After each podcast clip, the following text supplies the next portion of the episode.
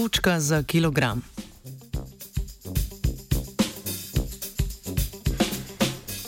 Prekomerna teža je hitro rastoč zdravstveni problem nove dobe.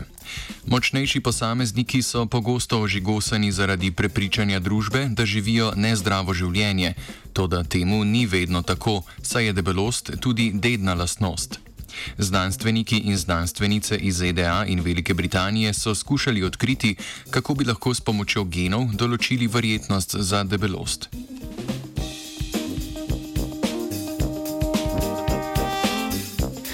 Dovzetnost za prekomerno težo se v redkih primerjih lahko deduje prek enega samega gena, ki naprimer spremeni ravnovesje nalaganja maščob v telesu. Vendar v veliki večini primerov to ne drži. Na dovzetnost za debelost namreč vpliva nabor različnih genov, zato pravimo, da je lastnost poligenska. Že prejšnje raziskave so odkrile več kot 2 milijona genskih različic, ki se pojavljajo pri debelih ljudeh. Nobena od teh različic sama po sebi nima omembe vrednega učinka na debelost, a so ob povečanju njihovega števila močnejši tudi njihovi vplivi.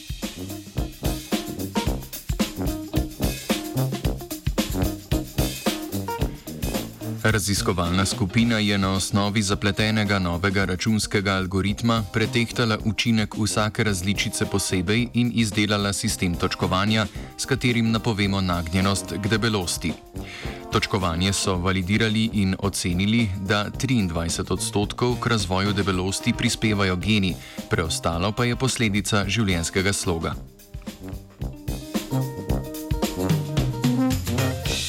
Predpostavili so, da bo tista desetina ljudi, ki ima najviše število točk, najbolj nagnjena k prekomerni teži.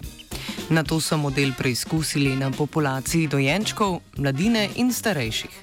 Pri mladih je znake debelosti razvilo okoli 15 odstotkov od napovedanih primerov, medtem ko se je za novorojenčke izkazalo, da se kljub podobni teži ob rojstvu razlika z leti povečuje in sicer skladno z novim točkovanjem.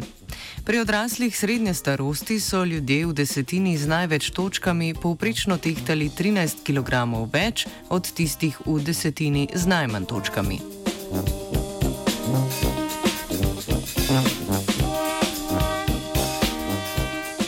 Raziskovalci in raziskovalke so sklenili, da njihov način točkovanja učinkovito napoveduje razlike v teži.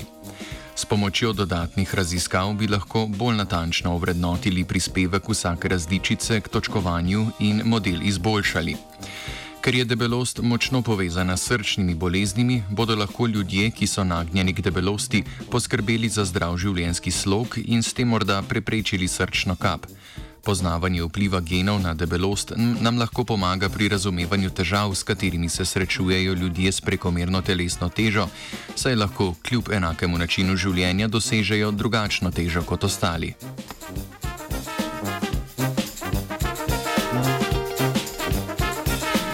Kljub temu lahko takšno napovedovanje ljudi po nepotrebnem prestraši. Veliko je bilo ljudi, ki so jim zgoraj opisanim sistemom napovedali debelost, a so ohranili normalno telesno težo. Prav tako se lahko ljudje s prekomerno težo enostavno vdajo v sodo in si napačno razlagajo, da gre zgolj za posledico genetike in da glede svoje telesne teže ne morejo storiti ničesar. Za zdaj velja, da je vpliv okolja najpogostejši faktor razvoja debelosti. Zato bi bilo modro takšna točkovanja uporabljati previdno ali jih prepustiti zdravnikom, ki lahko upoštevajo še druge dejavnike.